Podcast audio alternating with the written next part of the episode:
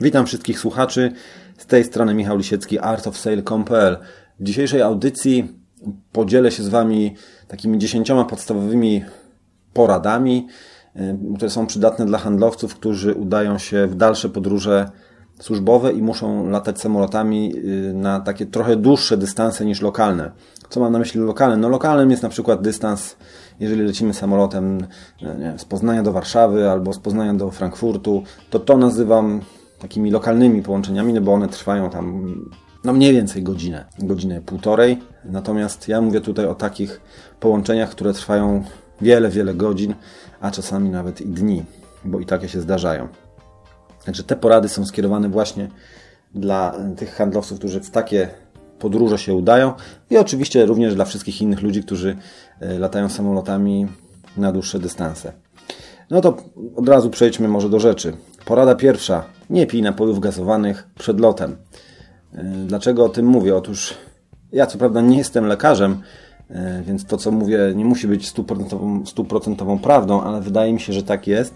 Jeżeli pochłaniamy, jeżeli wlewamy sobie do żołądka e, napoje gazowane, piwa, jakieś Coca-Colę, tego rodzaju napoje, no, które zawierają bąbelki, no to te bąbelki, kiedy już są w naszym organizmie, no to jeżeli samolot y, się wznosi, czy jest na wyższej wysokości, no to na skutek spadku ciśnienia te bąbelki zaczynają się rozszerzać, przynajmniej ja odnoszę takie wrażenie.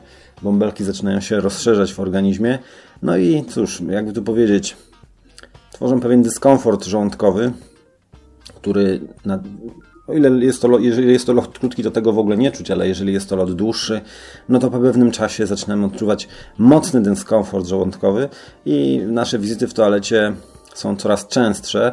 E, no i żeby tego uniknąć, no to zalecam jednak nie pić napojów gazowanych przed lotem. E, pijmy wodę, pijmy herbatę, ostatecznie kawę, natomiast odpuśćmy sobie napoje gazowane. Porada numer dwa. Miej przy sobie zeszyt z pomysłami w formie papierowej, e, ponieważ nie, nie wszystkie samoloty, nawet na tych dalekich dystansach, są wyposażone w odpowiedni sprzęt, nazwijmy to rozrywkowy, no bo jak się leci ileś godzin, no to trzeba coś z sobą robić. Najczęściej ogląda się filmy. Natomiast nie wszystkie samoloty są tak wyposażone, że, te, że ten odbiór tych filmów jest bezproblemowy i zapewnia odpowiedni poziom, że tak powiem, rozrywki. Czasami jest tak, że albo samolot jest stary i ten system audio-wideo, który ma, no po prostu jest jakiś archaiczny, nie może na tym normalnie nic oglądać. Czasami może nie być w ogóle e, takiego sprzętu, albo mieć jakąś, mieć jakąś tam awarię. Z drugiej strony stewardesy czasami mogą nie pozwolić odpalić telefonu, żeby sobie coś tam poczytać, popisać czy pograć. No bo takie są, w cudzysłowie, taka jest polityka firmy i tyle. Nie pozwolą tego uruchomić, tego sprzętu, nawet w trybie samolotowym. Też widziałem takie sytuacje. No i co? No i nasz mózg pozbawiony bodźców zewnętrznych zaczyna produkować bodźce wewnętrzne, to znaczy zaczynamy wpadać na jakieś e, pomysły, jakieś myśli zaczynają przychodzić nam do głowy, jakieś przemyślenia. Warto wtedy przy sobie mieć zeszyt e, w formie papierowej i długopis, żeby to wszystko zapisać. No, jeżeli lot trwa długie godziny, to przynajmniej możemy to tak wykorzystać. E, nosi to nazwę kompresji czasu, to znaczy jednocześnie lecimy i zaczynamy wpadać na jakieś kreatywne pomysły. To się przydaje, może się przydać w późniejszym jakimś spotkaniu z klientem, które musimy odbyć następnego dnia. Także warto taki zeszyt przy sobie posiadać i oczywiście długopis. Kolejna porada to naucz się składać garnitur tak, żeby wchodził Ci do walizki. E, no, chodzi po prostu o to, żeby nie lecieć w garniturze, na przykład do, no nie wiem, no do Australii na przykład, nie lecieć w garniturze, bo ten garnitur, kiedy my przybędziemy już na miejsce, będzie przypominał wymiętą szmatę, a jeżeli będziemy się mieli spotkać z klientem, to być może no, nie zdążymy sobie go wyprasować czy wyczyścić, dlatego podróżujmy w jak najbardziej komfortowych rzeczach, takich codziennych, natomiast nauczmy się garnitur składać w ten sposób, żeby on wszedł nam do walizki. To oczywiście jest możliwe. Wbrew pozorom marynarkę też można złożyć w odpowiednio, odpowiedni, w specjalny sposób. Jest na to wiele tutoriali, które można znaleźć chociażby na YouTubie, czy generalnie w internecie, które pokazują jak, jak w łatwy sposób można złożyć cały garnitur, żeby on się zmieścił do walizki i się nie pogniótł przy okazji. Ja taki sposób panowałem i muszę powiedzieć, bardzo sobie to chwalę. W ten sposób mój garnitur spokojnie sobie spoczywa w walizce, natomiast ja jadę w, komfortowych, y, w komfortowej odzieży, nic mnie nie ciśnie, nic mnie nie pije e, gdzieś pod pachami, także generalnie podróż samolotem potrafię sobie zorganizować komfortowo, właśnie dzięki, te, te, dzięki temu, że ten garnitur spoczywa w walizce. Porada numer 4. Miej zagwarantowany transport z lotniska do hotelu, w którym będziesz mieszkał docelowo, jeszcze zanim wylecisz. Otóż wiele osób może myśleć na zasadzie, a co mi tam, jak przylecę, to na pewno jakąś taksówkę sobie wezmę z lotniska do, do hotelu. No oczywiście można tak zrobić, no ale chyba wszyscy wiemy, jak działają firmy taksówkowe, które operują na lotniskach. Wiele z tych osób, które tam czatuje na klienta, jest. Cel ich działania jest taki, żeby go do gołej skóry ogolić. Dlatego może się okazać, że jeżeli zostawimy to na ostatnią chwilę i zdamy się na tak zwanego czuja, to się może okazać, że stracimy na tym dużo pieniędzy. Dlatego jeszcze przed wylotem zalecam, żeby sobie załatwić transport z lotniska do hotelu. Hotele organizują takie, takie podwózki, oczywiście za jakąś tam dodatkową opłatą, która i tak jest niższa niż podróż taksówką, taką nieuczciwą taksówką. Albo możemy załatwić sobie, żeby klient nas odebrał, albo ktoś od niego. No generalnie ten temat powinien być dograny jeszcze zanim wsiądziemy do samolotu, żeby też mieć komfort psychiczny, że jak wysiądziemy na lotnisku, że już nie musimy szukać, skupiać się na nie wiadomo czym, tylko wsiadamy do samochodu i jedziemy do hotelu albo do klienta. Porada numer 5. Nie wkładaj biletu na samolot do pojemnika podczas kontroli bagażu. O co chodzi? Otóż jeszcze przed wejściem do samolotu trzeba przejść taką kontrolę bezpieczeństwa. Polega to na tym, że dostaje się takie plastikowe kuwety, do których wkłada się komputer, zegarek, telefon, torbę, z którą podróżujemy, jakieś tam kurtki nasze, generalnie wszystko to, co mamy przy sobie, łącznie z paskiem, a czasami i z butami. Wkłada się do tych plastikowych kuwet i one przejeżdżają przez taką specjalną komorę, która skanuje, prześwietla e, bagaż, prześwietla te rzeczy, żeby sprawdzić, czy nie ma tam jakichś materiałów niebezpiecznych. No i raz włożyłem do takiej kuwety również luzem zupełnie bilet samolotowy, no i okazało się, że jak bilet, o ile bilet wjechał do tej komory prześwietlającej, o tyle już z niej nie wyjechał. Gdzieś tam się, nie wiem, przykleił, wywiało go czy cokolwiek. No i miałem problem, bo byłem już po kontroli, nie mogłem się cofnąć, a jednocześnie nie miałem przy sobie biletu. Na szczęście wtedy skończyło się to dla mnie dobrze, bo to było niewielkie lotnisko, to była ławica w Poznaniu, więc nie było problemu, żeby poprosić pana ochroniarza w języku naszym, że oto mi tutaj zginął bilet przy waszej kontroli i jakoś tam załatwiłem sobie kopię, y, można powiedzieć w 5 minut. Natomiast jeżeli podróżujemy przez lotniska w rodzaju Monachium czy, czy Frankfurt, które są ogromnymi lotniskami, to jeżeli na kontroli bezpieczeństwa wypadnie nam bilet, to zapomnij o tym, że sobie tam w 5 minut załatwisz kopię. E, raczej twój samolot odleci bez ciebie. Dlatego bilet, który jest ważnym dokumentem, e, należy trzymać w bezpiecznym miejscu, czyli generalnie w torbie, zamknięty, najlepiej na jak, w jakiejś kieszonce, z której, z której on nie może, nie może wypaść. E, I wtedy możemy spokojnie już myśleć o tym, że, że za chwilę wsiadamy do samolotu. Porada numer 6. Nie pchaj się w kolejkach. Ta prosta porada odnosi się do tego, że jeżeli jesteśmy już po kontroli bezpieczeństwa, no to wtedy znajdujemy się w takim miejscu, gdzie oczekuje się już na wejście do samolotu. Najczęściej jest tam kilkadziesiąt osób, no tyle ile samolot może pomieścić. Jeżeli jest to duży samolot na dalekiej trasie, to, to może być nawet kilkaset osób. No i jeżeli przez głośniki ogłasza się, że zaczynamy wpuszczać, no to wtedy generalnie ludzie zrywają się z miejsc, ustawiają się w długach na kolejce i czekają y, w tym ogonku, żeby móc skasować w cudzysłowie swój bilet i przejść dalej, czyli albo do rękawa, gdzie się wchodzi do samolotu, albo do specjalnego autobusu, który podwozi właśnie do, do samolotu. Natomiast moje doświadczenie pokazuje, że nie warto się w takich kolejkach ustawiać, bo i tak ten autobus przecież nie odjedzie bez ostatniego pasażera, a tym ostatnim pasażerem możemy być równie dobrze my. No grunt, żeby nie zaspać i nie być wzywanym przez, ochron, przez, przez osobę, która wpuszcza do samolotu, że, że, mamy się zbliżyć, natomiast należy obserwować, co się dzieje siedząc, siedząc, należy obserwować, co się dzieje z tą kolejką, no i kiedy ona zacznie się kurczyć, kurczyć, no i kiedy tam już będzie, będą pięć czy trzy osoby do końca, wtedy spokojnie wstajemy, podchodzimy, nie marnujemy sił, które będą nam potrzebne na długi i ciężki lot.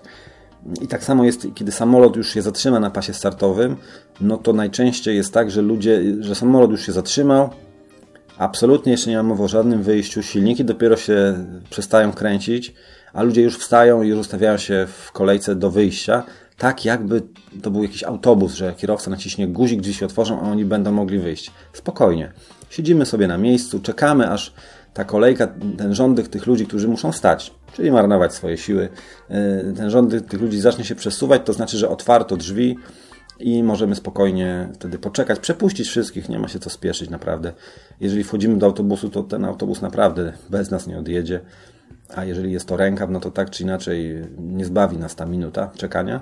Przepuszczamy sobie wszystkich i spokojnie, bez pchania się, e, bierzemy nasz bagaż podręczny i kierujemy się w stronę wyjścia. Także nie pchajmy się w kolejkach. Ani przed samolotem, ani w samolocie, bo to nie opłaca się. Porada numer 7.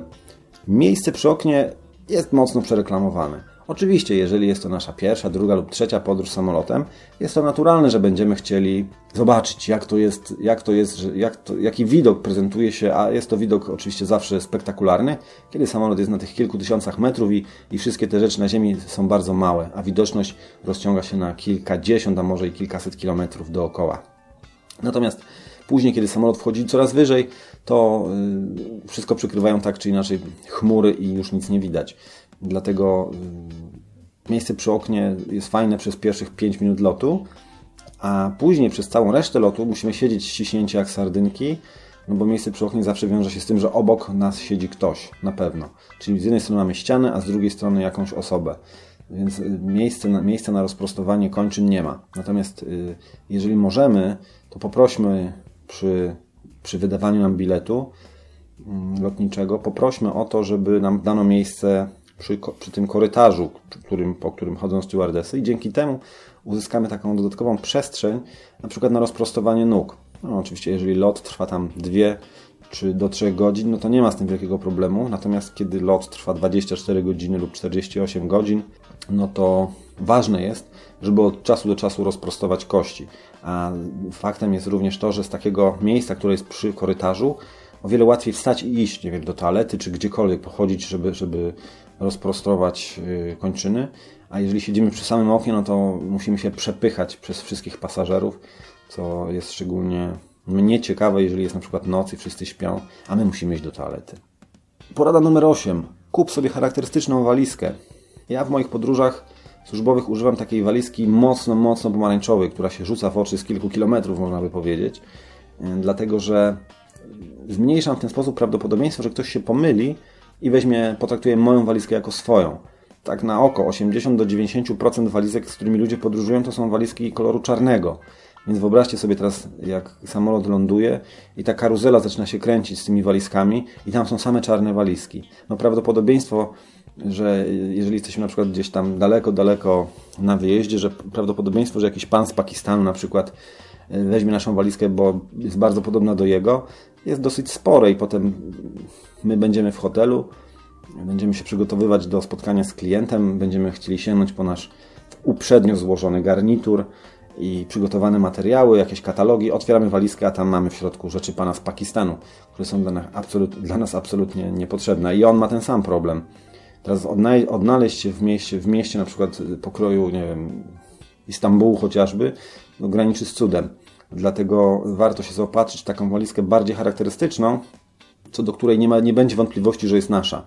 No ja mam, tak jak mówię, ja mam tą pomarańczową i zawsze ją z daleka widzę. Także nie mam szans pomylić jej z, niczyją inną. No chyba, że oczywiście ktoś by miał identyczną walizkę jak ja, ale w przypadku takich charakterystycznych przedmiotów prawdopodobieństwo to jest raczej małe. Y, porada numer 9 mm, dotyczy jedzenia w samolocie. Otóż, jeżeli jesteśmy w czasie długiego lotu, no to podają nam z reguły kilka, y, czasami może być nawet kilkanaście posiłków różnego rodzaju, więc przestrzegam przed jedzeniem wszystkiego, co nam podają w samolotach. Po pierwsze, nie ma takiej potrzeby, to znaczy organizm i tak siedzi, przez ileś godzin siedzi, więc no nie spala tego jedzenia zapychamy się nim niepotrzebnie. A po drugie, wydaje mi się, że to jedzenie jednak nie jest do końca takie naturalne, że tam dodają jakichś konserwantów, jakichś chemicznych świństw po to, aby to jedzenie przetrwało podróż w samolocie. I jeżeli będziemy je jedli bez opamiętania, znaczy będziemy jeść każdy posiłek, który nam podadzą, to prędzej czy później znowu będziemy mieli problemy żołądkowe. Dlatego polecam raczej opuszczanie niektórych posiłków, jedzenie w samolocie tylko wtedy, kiedy naprawdę zaczynamy czuć, że robimy się głodni. A jeżeli nie, to od, po prostu odmawiajmy. Przecież obsługa nie wmusi nam tego na siłę. Zawsze możemy powiedzieć, że nie dziękuję, nie jem i wszyscy będą mieli na to pełne zrozumienie. I porada ostatnia, numer 10, dotyczy wiz. w kraju, do którego lecimy. Należy się przed wylotem zorientować, jaka jest polityka wizowa kraju, do którego się udajemy. No to są tutaj są kwestie różne. Czasami jest tak, że nie ma potrzeby posiadania żadnej wizy. Po prostu przylatujemy i wychodzimy sobie z lotniska. Tak jest na przykład, przynajmniej taki jest stan na dzisiaj. Na przykład lecąc do Dubaju, kiedyś trzeba było mieć wizę, którą trzeba było wcześniej załatwić. Teraz po prostu obywatele Polski wychodzą z lotniska bez żadnej potrzeby posiadania wizy. Czasami jest tak, że wizę trzeba kupić na lotnisku, co jeszcze nie jest o tyle problematyczne, ale o tym za chwilę powiem, dlaczego może być. Po prostu podchodzimy do specjalnego okienka, płacimy jakąś tam kwotę i wbijają nam wizę do paszportu. Tak jest na przykład aktualnie w Turcji i w Etiopii. No i oczywiście są kraje, gdzie trzeba mieć wizę dużo, dużo wcześniej już zagwarantowaną, trzeba wypełnić odpowiedni formularz. Tak jest na przykład przy podróżach do Australii czy do Stanów Zjednoczonych. Brak takiej, brak rozeznania w tej sprawie może doprowadzić do, do poważnych konsekwencji. Po pierwsze, mogą nas, nas nie wpuścić na teren danego kraju. Na przykład lecąc, lecąc do Stanów Zjednoczonych y, bez wizy, no to nie wpuszczą nas po prostu. Tak? O tym przekonała się niedawno słynna polska trenerka fitness, która sobie poleciała do Stanów robić tam jakiś program. No i okazało się na miejscu, że wizy nie posiada, więc po iluś tam godzinach siedzenia i czekania co dalej, odesłano ją po prostu do Polski. E, jeżeli lecimy prywatnie, no to pół biedy, natomiast jeżeli lecimy służbowo, no to jesteśmy w głębokim kłopocie. Wystawiamy swoją reputację na, raczej na zszarganie, tak. E, natomiast jeżeli chodzi o tą wizę, którą, należy, którą można kupić na lotnisku, no to może nam nieco utrudnić czasowo pobyt, o tyle, że jeżeli na przykład jesteśmy, wysiedliśmy sobie z samolotu, tak miałem ostatnio, wysiedliśmy sobie z samolotu, no i poszedłem, byłem przekonany, bo czytałem o tym, co prawda dużo, dużo wcześniej, jakiś rok wcześniej, że Polska z tym krajem ma podpisaną umowę, że Polacy nie muszą mieć wiz. No i podchodzę do celnika, pokazuję mu paszport, on mówi, że muszę mieć wizę. Ja mówię, że nie muszę, bo przecież jestem obywatelem Polski, on mi powiedział, że jednak muszę. No i musiałem iść po tą wizę. A muszę przyznać, że przy tych okienkach wtedy, kiedy ja podchodziłem po raz pierwszy, nie było prawie nikogo. Więc na pewno bym to załatwił dużo, dużo szybciej. Ja tak musiałem się cofnąć, cofnąć do takiego specjalnego okienka, gdzie tą wizę się kupuje, tam odstać swoje w kolejce, gdzie już było kilkanaście osób.